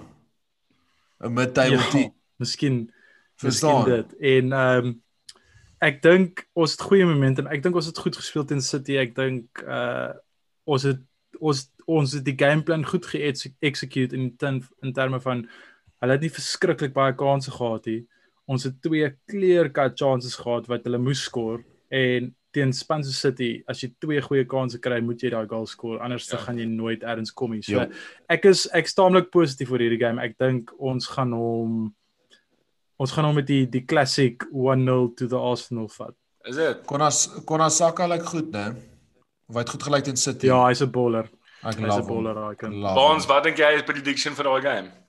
Kyk bro, soos ek is nogal soos van die begin van die seisoen af quietly confident oor Arsenal. Ek dink hulle is nog bietjie eendimensioneel. Um ek die City um resultate het dit my weer eens gewys waar hulle nie daar was gaps my in agter City se se se se highline wat hulle dalk bietjie beter kon geëxploit het en hulle het net gestiek met om van agter af uit te speel. Ek dink deur die loop van die seisoen gaan hulle meer benefit uit dit kry want die opposition oor die algemeen is slegter as goed. Maar um Een ding wat ek net bietjie mee sukkel om eerlik te wees is net soos Obba lyk like vir my soos wit warm op die oomblikie en dit- dit voel vir my asof Stem as hy nie fire as hy nie fire nie dan dan sukkel hy bietjie op met 'n creative outlet. Um maar ek dink is 'n baie goeie tyd om vir Leicester te jol. Um so ek gaan sê Arsenal sal wen. Um en ek dink soos wat Akona sê, ek dink dit gaan nogals 'n narrow margin wees. So ek gaan gaan met so 2 na Arsenal. Ja. Gaan 100% saam met jou stem 2-0 Arsenal. Ek sal dit like om vir Ouba bietjie deur die middel weer te sien. Ehm um, Yes, ek stem. ek ek ek sal dit nogal like. Ek sal like as hy 'n bietjie fresh en update dit doen en ek dink Mm. hy sal weer goal skoor. Maar altyd het obviously 'n plan. Uh ek ja, ek weet nie, ek ek back hom. Ek het dit al 'n paar keer gesê. Sê 2-0. Ek soek sy haarlyn. Ek wens fucking helfte van sy haarlyn sal goed genoeg. So Lego dop. Hoorie, maar okay, so ons moet almal ons hande in die lug sit en om verskoning vra vir David Moyes want hy het 'n ongelooflike oomblik gehad daarso. Flying teen uh, Spurs, Ja. daai last minute goal van Lanzini. Laat was my dink toe hy die amazing. Community Shield gewen het. Dis wanneer ek hom laas so animated gesien het. Toe hy die Community Shield gewen het. Ja. So West Ham speel teen City die naweek. Dit gaan 'n ek ek dink ek ek Wow. ja. Ek weet nie meer wat om te predict in die Premier League om redelik met ja. julle te wees. Ehm um, ja. City speel nou vanaand in die Champions League. Ehm um, so hulle gaan redelik rotate seker soos ons vir Pep ken. Ehm um, ek dink nie daar's 'n kans dat KDB speel nie. Ehm um, daar is obviously baie van sy status gaan vanaand speel. Ek dink hy het vanaand geprioritiseer. Ek dink Pep is oor die dae wat hy kansse vat in die Champions League. Ehm um, ek dink hy gaan dit van nou af prioritiseer. Klip uit. Ehm um, en ek dink West Ham het dalk 'n kans in hierdie game. Ehm um, ek dink dalk so. actually ek dink ook kan actually dalk eh, dit kan meer tight wees as wat ons verwag. Kyk, een ding is Kun Aguero is terug. En as daai ou eers begin away goals Hy skoor. het geskor teen- vanaand. Het al Hoe het hy? geskor, Ja. Maar sien die ding is met hom, ek weet nie of hy weer kan staat nie. Ek weet nie of hy hom gaan kan staat weer nie. Ehm um, maar as hy doen, dink ek is daar groot kans dat City dit gaan wen. Ehm uh, want ek dink net daai ou is net op 'n ander level ehm um, in terme van net sy kansse gebruik en daai City squad niemand is naby aan hom wat dit aanbetref en ek dink dit is 'n plek waar City moet versterk as hulle weer in die transferwindow geleentheid kry. Hulle korte striker. Dis eintlik vir my weird dat hulle nie 'n uh, beter poging aangewend het om 'n forward 'n finisher te sign in hierdie transfer window nie. Ehm um, maar dit is nou maar so. So ek ek ek gaan dit ek gaan definitief die game kyk. Ek dink ehm um, dit gaan 'n hard fought battle wees. We- West Ham gaan obviously maar meestal terugsit. Ehm um, en City gaan meeste van die possession hê en dan dalk is daar 'n geleentheid vir vir West Ham om om 'n goal te sneak en en en dalk weg te kom met 'n result, maar ek ja nee, ek gaan moet gaan vir City. Ek gaan sê Nee, ek gaan sê 100% ek gaan sê 2 2-1 vir City. Wow, okay. So nog ons taai terug. Ja, ek dink hulle gaan oor hulle loop hè. Okay, ek dink hulle gaan nog ons. Ek dink Moyes gaan jy weet ken vir David Moyes. David Moyes gaan nou weer gaan met definitief vier strikers voor massively confident oor die naweek. Ek dink ja, hulle gaan hard gestamp word. Ek dink is so 4 4 4-1. Is dit? Dis klip. Ek gaan ek gaan vir 'n 3-1. 3-1. Kan nie sien dat dit 'n tight game gaan wees nie. Nee, ek dink ook is so. Kom ons kyk. Barnes United Chelsea. Die afgelope tyd is dit tog 'n lekker fixture. Ooh.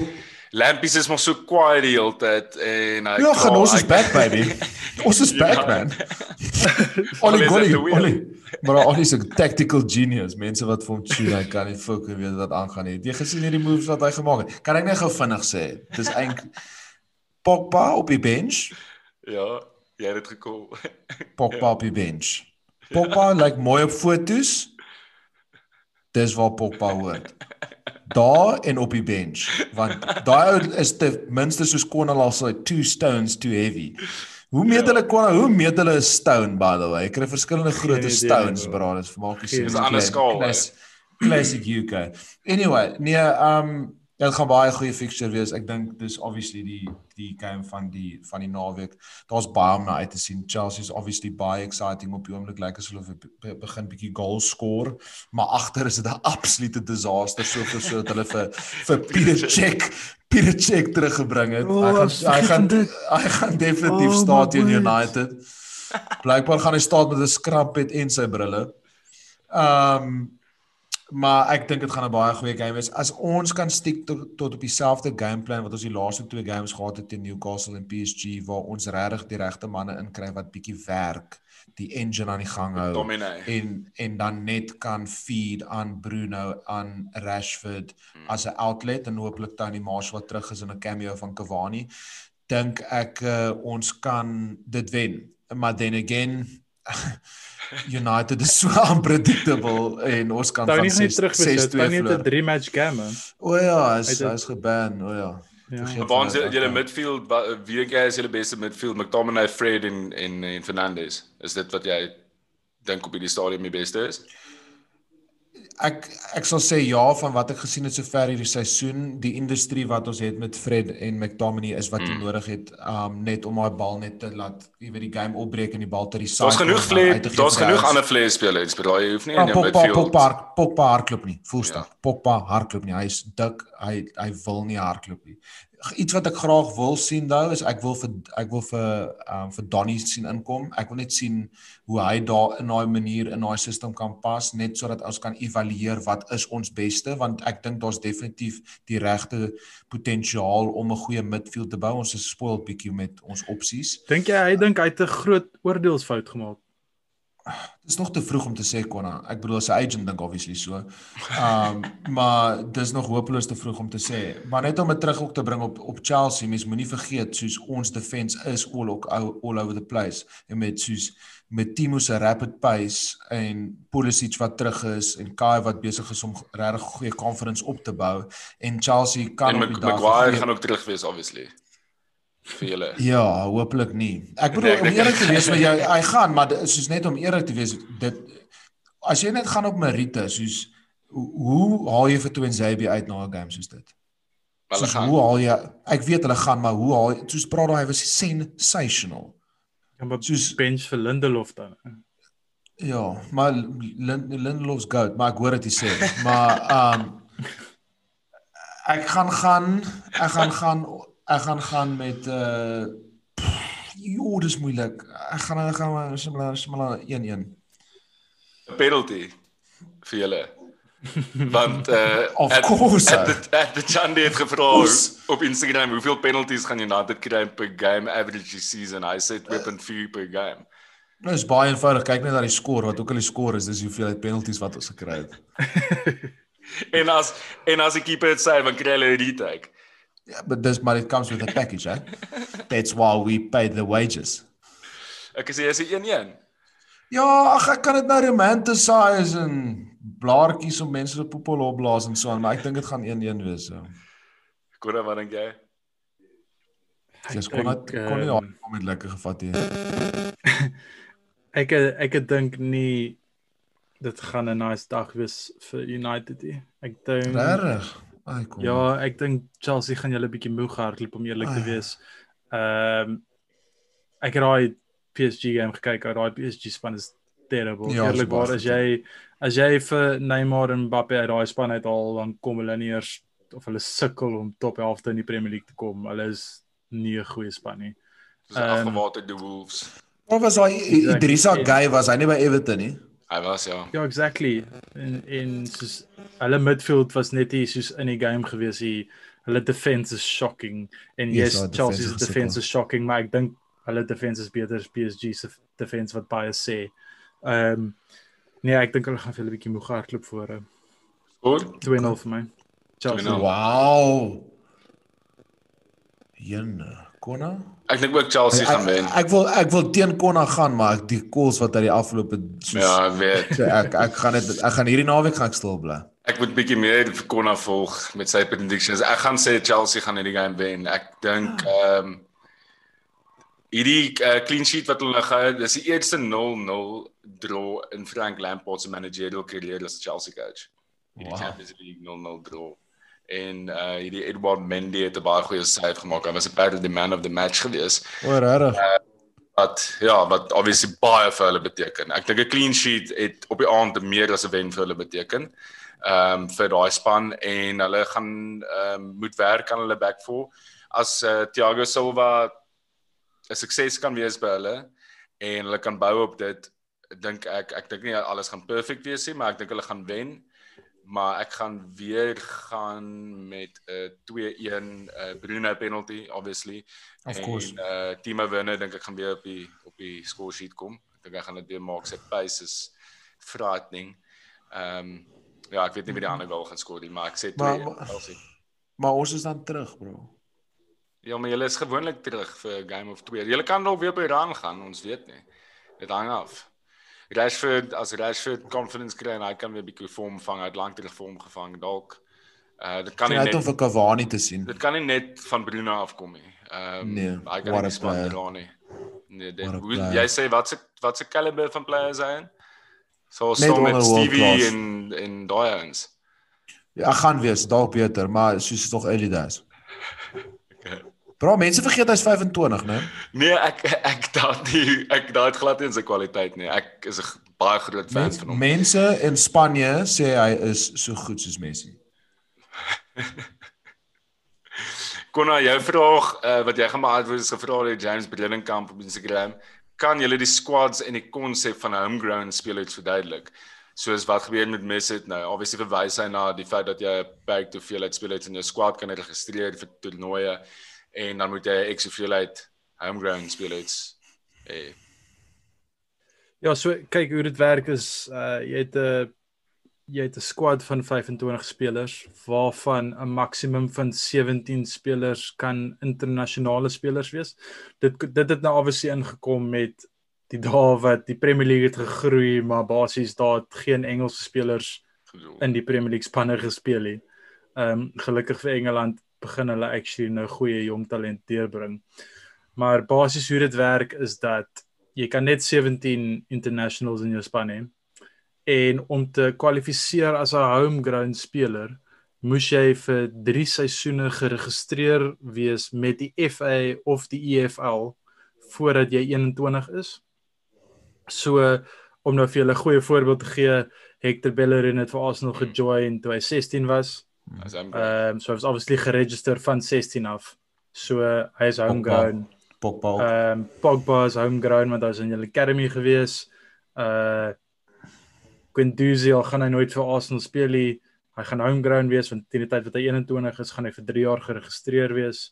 So dis maar basies wat dit is. Dis cool. Weet jy wat cool van daai reël En- konna is is mense invest in hulle academy en dis hoekom maar meer goeie spelers deurkom uh, van soos 'n jong ouderdom van soos Engel Engels of Engel Brit UK. Ek weet nie presies wat dit hoe dit gedefinieer word nie, maar mense invest obviously op 'n jonger ouderdom in spelers. Ehm um, en en dit kom dit kom nou deur op internasionale vlak en ek neem aan toe die ouens hierdie reëls aanvanklik gemaak het was dit die idee is om vir genoeg Engelse spelers exposure te gee op die top vlak van voetbal sodat hulle eie nasionale span ook kan compete op daai level.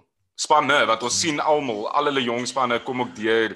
Hulle onder 18s, onder under 21s, al daai spanne doen baie goed van Engeland op die oomblik. Dit Yes, is volk ook, as om, jy om ook net en om ook net te noem, jy kan basiese unlimited hoeveelheid onder 21 spelers registreer. Hulle tel nie as deel van jou Premier League squad nie. So ook net om dit te noem. as as jy kyk na Soos daai twee daai twee daai twee wingers wat ons nou gesign het, soos dit op dit kom net neer op die oomblik soos dis net belaglik om mense te sign. Die die die die pryse, die wages, so dit maak net sin om te invest in youth. Ja.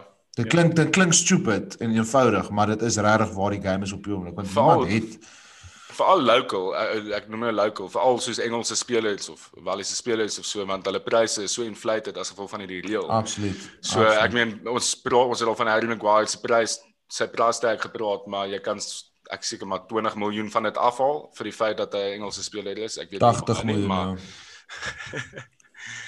Ehm um, maar kon wat ek vir jou wou vra wat aansluit by daai punt is is as jy 'n uh, ernstige besering kry na registrasie. So kom ons sê nou ons het geregistreer in Virgil se besering nou, mag jy dan ek neem aan daar sekere omstandighede wat dan jou geleentheid gee om 'n ander speler te register.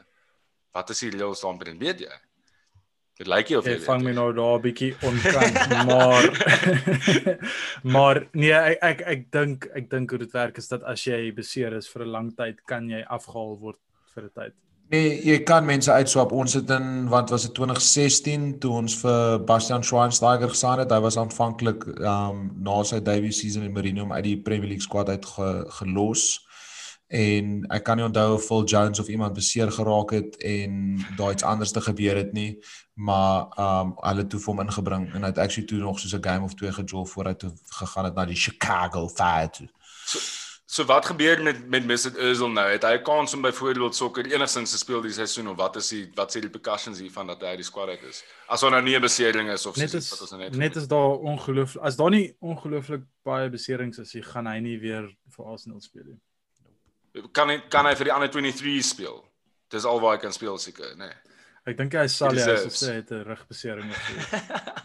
hy moet gaan eens ter. dan jy jy jy ons het 'n goeie groep youngsters in die ander 23s en dan blok jy net weer iemand se pad. Precies. Verstaan jy? Hulle kort minute, so dis Ja. daar's geen punt ja. Ou net Ja. gaan. Dis hoekom hy in die League Cup speel of enigiets anders nie want hulle het obviously spelers waarna hulle invest. Of course.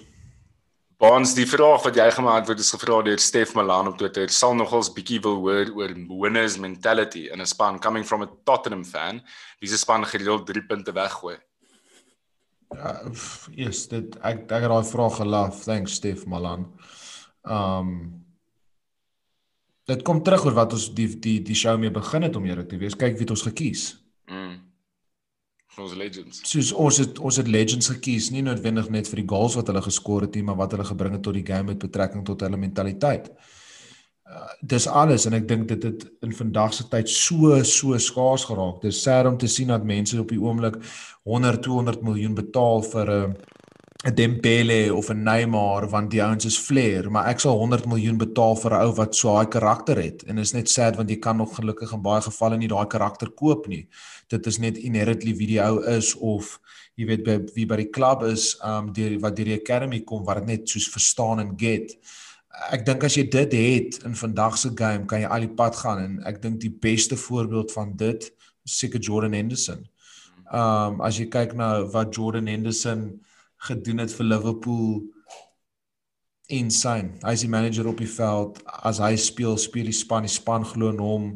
Ehm um, en dit is dis dis alles vir my in moderne sport. En as jy van 'n uh, meer internasionale voorbeeld moet kyk, kyk na Bruno, kyk hoe hy yes. United getransform het vandat hy ingekom het. Hy's 'n winner. Ek weet jy kan sien hy's 'n winner. En ek weet julle twee kyk nie noodwendig elke Liverpool United game nie, maar hy lead by example. Hy settle net vir soos die ordinary nie en demand dieselfde van van die spelers om hom. So 'n winners mentality is maar dis waar sport gaan.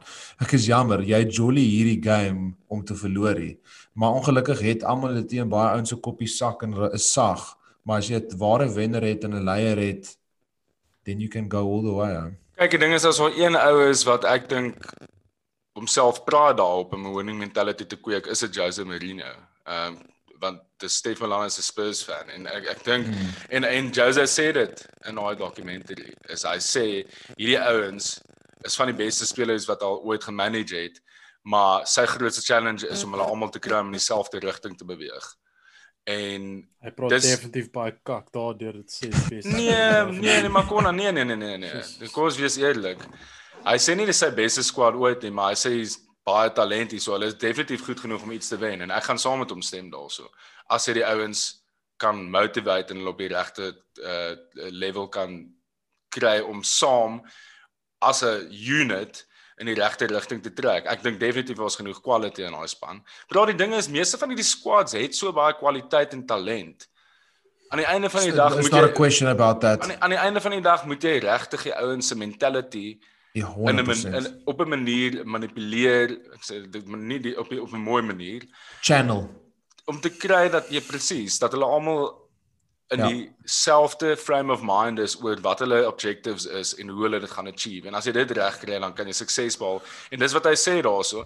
En ek stem saam met hom. Ek weet kon hy jy jy, jy, jy like nie opmerking nie, maar ek dink nog steeds dit is aan die einde van die dag is dit die belangrikste fucking element tot enige suksesvolle sportspan is hoe, hoe graag wil jy ja, dit ek stem saam met die winning mentality ek het net dis 'n tipiese Jose all in or nothing oomblik om te sê dis van die een van die beste squads wat al gemanage het in sy lewe is. Hy het dit gesê, né? Maar Falkie, Falkie, jy is so reg 10 10 15 jaar terug moes managers nog die ouens bietjie gecoach het en beter gemaak het want die ouens het nie die academy structure gehad wat hulle het vandag in die moderne game. Die moderne spelers kom uit die belaglikste academy uit in training uit. Hierdie ouens is media trained, hulle is fucking alles trained dat hulle het nie issue om te perform op die hoogste level individually nie. Mm -mm. Maar wat moderne managers en dis waar sekere managers my agter geraak het soos byvoorbeeld 'n Mourinho bietjie um is hulle dit nie lekker geweet hoe om hierdie ouens soos mentally te coach nie. En dit is waar Klopp en Pep vir my kop op skouers is. Hulle het net geweet hoe om met hierdie youngsters te praat en saam te laat werk en te laat iets inkoop. Jy weet, yes. iets groter. Ja, ja. Hierdie kinders het alles ou. Ja. Daar's niks meer wat hulle excite nie. As jy op 19 19500 pond 'n week verdien is soos average, verstaan? Dis mm. nie average nie, maar jy verstaan ja. wat ek probeer sê. Die ouens raak nie meer empty. Almal gee vir hulle ja. alles. Ja. Ek wil FIFA het hulle kry 6 maande voor dit. Hulle wil chique, hulle koop dit. Jy weet wat ek sê? Ja, ek dink ek dink wat wat dit ook nog moeiliker maak om hulle te motivate op hierdie oomblik is die feit dat hulle sonder fans speel en so dit maak 'n coach of 'n ja. manager se job nog moeiliker. En, dit bring my na my vraag toe. Dis eintlik twee vrae wat gevra is. Die een sê was Reiner van Wyk op Twitter. Hy het gesê met die games wat agter toe dele gespeel word en die hoeveelheid goals wat away geskoor word, dink julle manne daar kan 'n onverwagte wenner wees aan die einde van die seisoen. En hakies nie LFC of City nie. En dit sluit ook aan mooi aan by 'n vraag wat Brennas voetbal gevra het op Twitter wat hy sê hierdie voel baie soos uh die seisoen toe Leicester die league gewen het. Surely gaan ons nie weer so 5000 teen 1 shock sien nie. Aston Villa doen presies wat Leicester gedoen het. So dis vir my 'n baie cool vraag. Ons het al 'n paar keer gepraat oor Villa, hulle die beste defensive record op die stadium in die league. Hulle het nog net twee goals concede. Meeste spanne concede 2 in een game op die oomblik. Ehm um, hulle is obviously 'n span wat nie een ek dink een van ons het hulle gekat getaat vir relegation. Ek kan nie onthou nie, maar nie baie van ons het nie. Ek dink een van ons het dalk ja. of nie een van ons nie. Ek dink dis so nee. Ek wel ek dink hulle is hulle is klaar sy van relegation af. Ons kan seker dit sê op die stadium. Ehm um, maar jy kan sien dat daai span is daar's 'n togetherness vandat hulle toe hulle uh relegation ontsnap het aan die einde van laaste seisoen het hulle aangegaan asof asof hulle die Premier League gewen het en ehm um, wat so ou van uh wat ek kan nie nou sy naam maar pandit uh, die ex Liverpool ou kon hy haat hom hy tune so altyd vir vir Pogba. Wie um, Graham Souness. Souness. En Souness het toe gesê hulle gaan anders of hulle die Premier League gewen het dis vir hom belaglik en goed. Ehm um, maar jy kon sien daar soos en presies en en dis actually en ek het nou nie gedink voor die tyd daaraan nie, maar dit het met Leicester ook gebeur. Die seisoen voor hulle die league gewen het. Hulle het ook deur ja, ja, daai, hulle het ook ja, ja. deur so 'n battle gegaan, net net opgebly. Daai togetherness wat jy dan het, maak 'n paar signings, maak jou squad bietjie sterker. Villa het vir Martinez gekoop wat ek nog steeds een van die beste signings in die transfer hulle was. Hy was een van my top 5 transfer windows uh, transfer signings geweest. En uh Ross Barkley like soos die speler wat ons gesien het by Everton. Hy moes nooit Chelsea toe mhm. gegaan het nie. Uh dis is John Stones wat nooit City toe moes gaan nie. Daar's net sekere spelers Absolute. wat nie na 'n sekere klub toe moet gaan en jy weet dit voor die tyd. Um en ek dink. En ek en ek dink Ross Barkley kan 'n uh, uh, ongelooflike seisoen hê actually. Um hy en dit lyk asof hy baie pressure van Grealish af is en hy lyk like soos nog 'n beter speler as wat hy verlede seisoen was. Ek sê nie Villa gaan die, die league wen nie. Ek sê ook hulle gaan top 4 wees hier. Maar nee.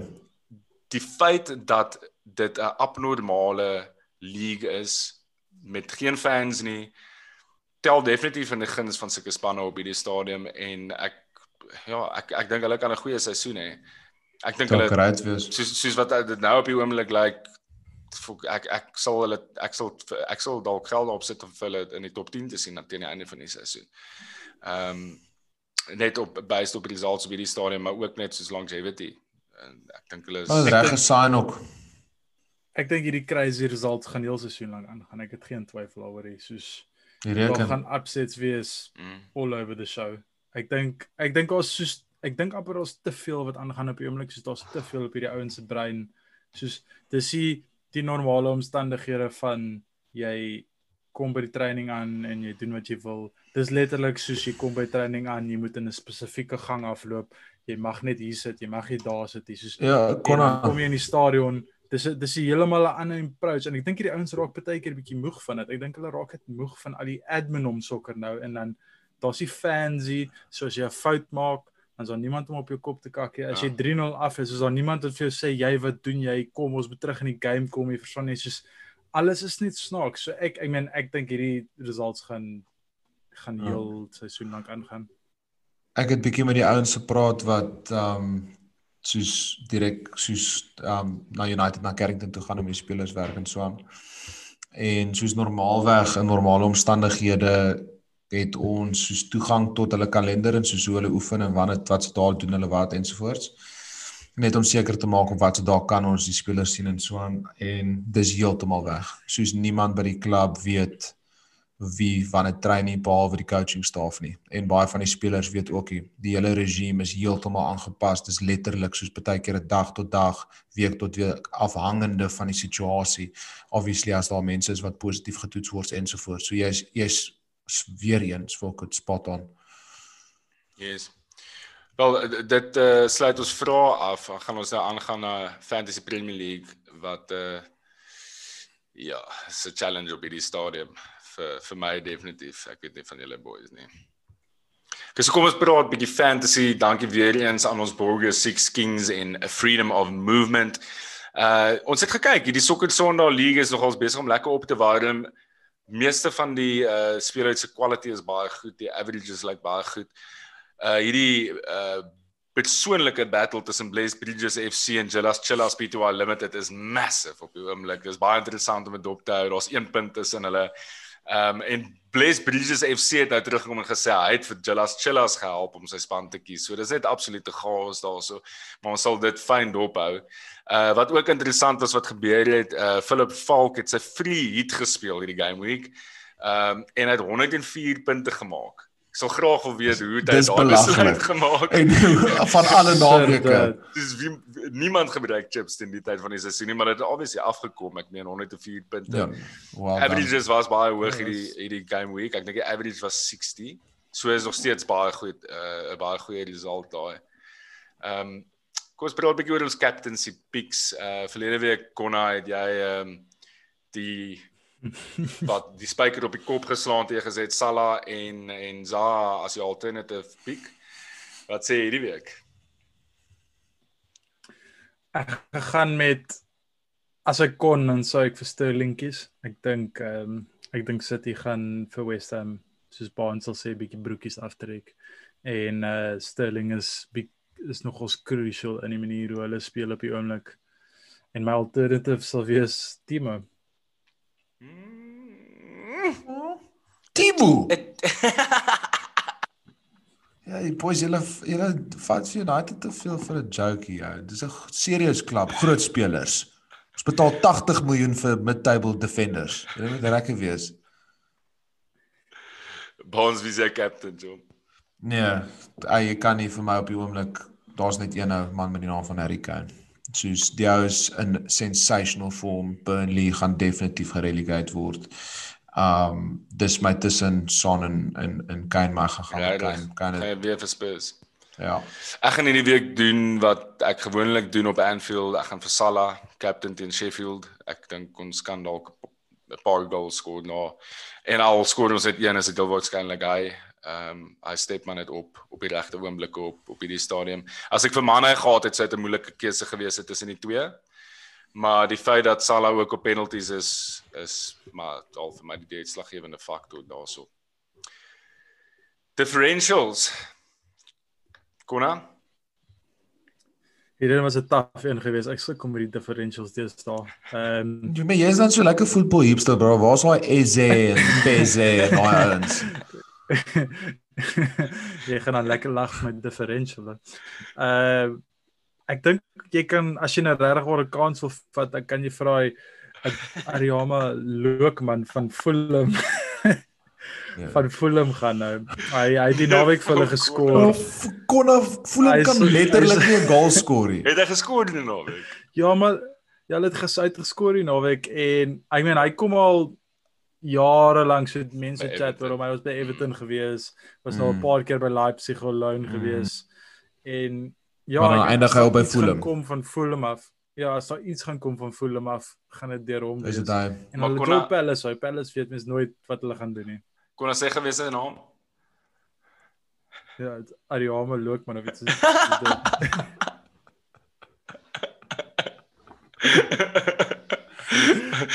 Bonds wie sê differential vir die game week. Okay, net julle gaan nou sê dis nie 'n differential nie, maar dit is 'n differential. Wat wat's 'n differential ownership? Ownership. Dis wat ek Ja, ownership. law ownership. ownership. So ek gaan gaan met Gareth Bale as 'n differential hierdie naweek, 1.2 ownership. Ek dink Okay. hy gaan hy gaan hy gaan punte maak.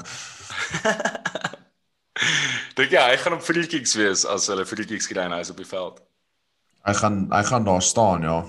Um Dit is moeilik om nee te sê vir daai ou. Dis dit gaan vir my Bale gaan dit kom net vir my bietjie neer op sy motivation, maar ek ek ek gaan dit nou tease. Ek dink hy gaan hom dalk inbring hierdie naweek. Okay. Het jy nog geen transfer gemaak nie, moet jy nog? Nee, ek wag dat al die Champions League goed en die Europa League goed eers verby is. Ja, ek het 'n risk gevat vandag. Ek het 'n uh, naak gevat um om vir Kane in te bring en dan om my differential vir die week in te bring en dis Barkley, 2.4% ownership. Hy kos Nice. 5 5.9. Goeie shot. Ehm um, en iemand het actually gevra eers uh, op een van ons social media accounts of Barkley nie dalk 'n goeie FPL asset is nie en ek ja, ek obviously dink is. so. Hy het 'n beautiful goal geskoor. Ja, ek dink so. Ek dink as hy as hy kan aanhou doen wat hy doen, gaan hy en hy gaan staan, dan gaan hy consistently punte punte inbring vir mens. Nou kom ons by ons clean sheet kandidate. Konna, wat het jy vir ons daar in die clean sheet kategorie? Ek uh, kan nie sien hoe Newcastle gaan skoor teen Wolves nie. Ehm um, so ek ek sal sê Wolves. Dink jy Andy Carroll, Kies waar is hy? uh, Andy Carroll 'n butterfly kick of 'n Een reverse header. Hulle speel vir Soos ek weet nie of julle al vir Newcastle sien speel het hierdie seisoen nie, maar raai gou wie se hulle Ja, okay, daar was hy naas naweek. Wie hulle wat? Wie se hulle wat kon? Ek weet nie. Newcastle se left wing. Ra- Raai gou, vat 'n raai. Ek weet nie, hulle speel seker iemand random soos Richie daarso of so iets. Nee, is John Joe. Nee, hulle speel vir Joe Linton op left wing. O, Trade. Joe- Joe, Joe Leonton. Ja. Speel hulle hom op left wing. Yes, hy's kak daai. ja, bro. Ja. En dan wie speel Ja, hulle sien striker? Wilson. score, ja. Wilson ja. Callum Maar- Wilson. ja. So kyk so Karel Joel nie op die oomblik nie. Mm -mm. Sabbatical. Hy definitief hy hy daai ou Joel definitief hard. Hy sê definitief. baie. Bro, ek dink dis al wat hy doen. Was hy nie ooit op Jordy Shaw gewees nie? Nee, maar hy gaan nou wees season 25. Bonds wie se clean sheet kandidaat. Ja, die mense dink seker ek is 'n Spurs fan. Um gaan gaan met Spurs Nee, en ja, in Liverpool. jy kan net Burnley is kaka. O, oh, okay, dan gaan ek gaan met Liverpool. Ja, want ek weet nie, ek trust net die Spurs se defense op die oomblik. Ek dink dis hulle issue. Ek dink en ek praat nie van die defensive spelers, ek praat van hulle as 'n defensive unit. Yes. Uh ek dink ek sukkel hulle bietjie. Maar Ja nee, ek stem, ek stem maar Burnley is baie kak. Um maar ek gaan gaan met met Liverpool. As jy as ek nou een as jy van sê, buddy, en jy soos jou kop en jou jou lyf en so dan gaan ek vir sê Liverpool. okay, ek gaan ook ek ek gaan ook Liverpool sê. Jo. Ek gaan met Liverpool gaan. Ek dink ehm um, dit gaan interessant wees wie ons center backs is, maar ek neem aan dit gaan Matip en Joe wees. Matip het nie getravel Ajax toe nie. Ehm um, hulle is precautionary geweest. So ek dink hy en Joe gaan weer staat. Hoop hulle kan Joe 'n bietjie confidence opbou want ek dink hy het dit nodig. Ehm um, maar ek dink ons gaan hulle genoeg dominate dat ons center backs nie te veel gaan hê om te doen nie. Ehm um, en hopelik 'n gemaklike uh, oorwinning daar behaal. Ja, ek hoor Fabinho was weer klas vanaand op center back. Ja, ek sien ons- back. Ek sien ons het 1-0 gewen. Uh ongelukkig kon ek nie die game kyk nie want ek moes uh deelneem aan hierdie uh unknown podcast Sokker Sondag. Wat wat is dit? Ken jy dit? Mense het vir gesê, ja. man, jy moet goed luister, maar ek sê whatever, bro. Nee, nee. Ek sê heeltemal te alternative vir dit, bro. Choo, choo. Maar okay boys, uh dit sluit ons Okay, episode af. Dis 'n lang episode. Dankie vir die ouens wat geluister het al die pad. Ehm um, en ons sien uit na Uit nog 'n- Botswana uit. uit Irak, waar's ons waar Saudi-Arabië. Ja, Ehm ja. Saudi Saudi-Arabië, het 'n groot following in Saudi-Arabië. Maar ehm um, dis definitief uh soos 'n soos 'n komputer, soos een of ander algoritme wat So al is 'n is definitief 'n old boy wat surf gee daar ergens. Uh well boys, dit is nog 'n action-packed naweek van Premier League voetbal wat voor lê. Baie dankie dat julle geluister het en en dankie vir jy- al julle vrae en vir julle betrokkenheid en ehm uh, ja, kom ons kyk wat wat hierdie naweek van Premier League voetbal van gaan oplewer en dan praat ons weer volgende week. Cheers. Dis maar As met ons kyk.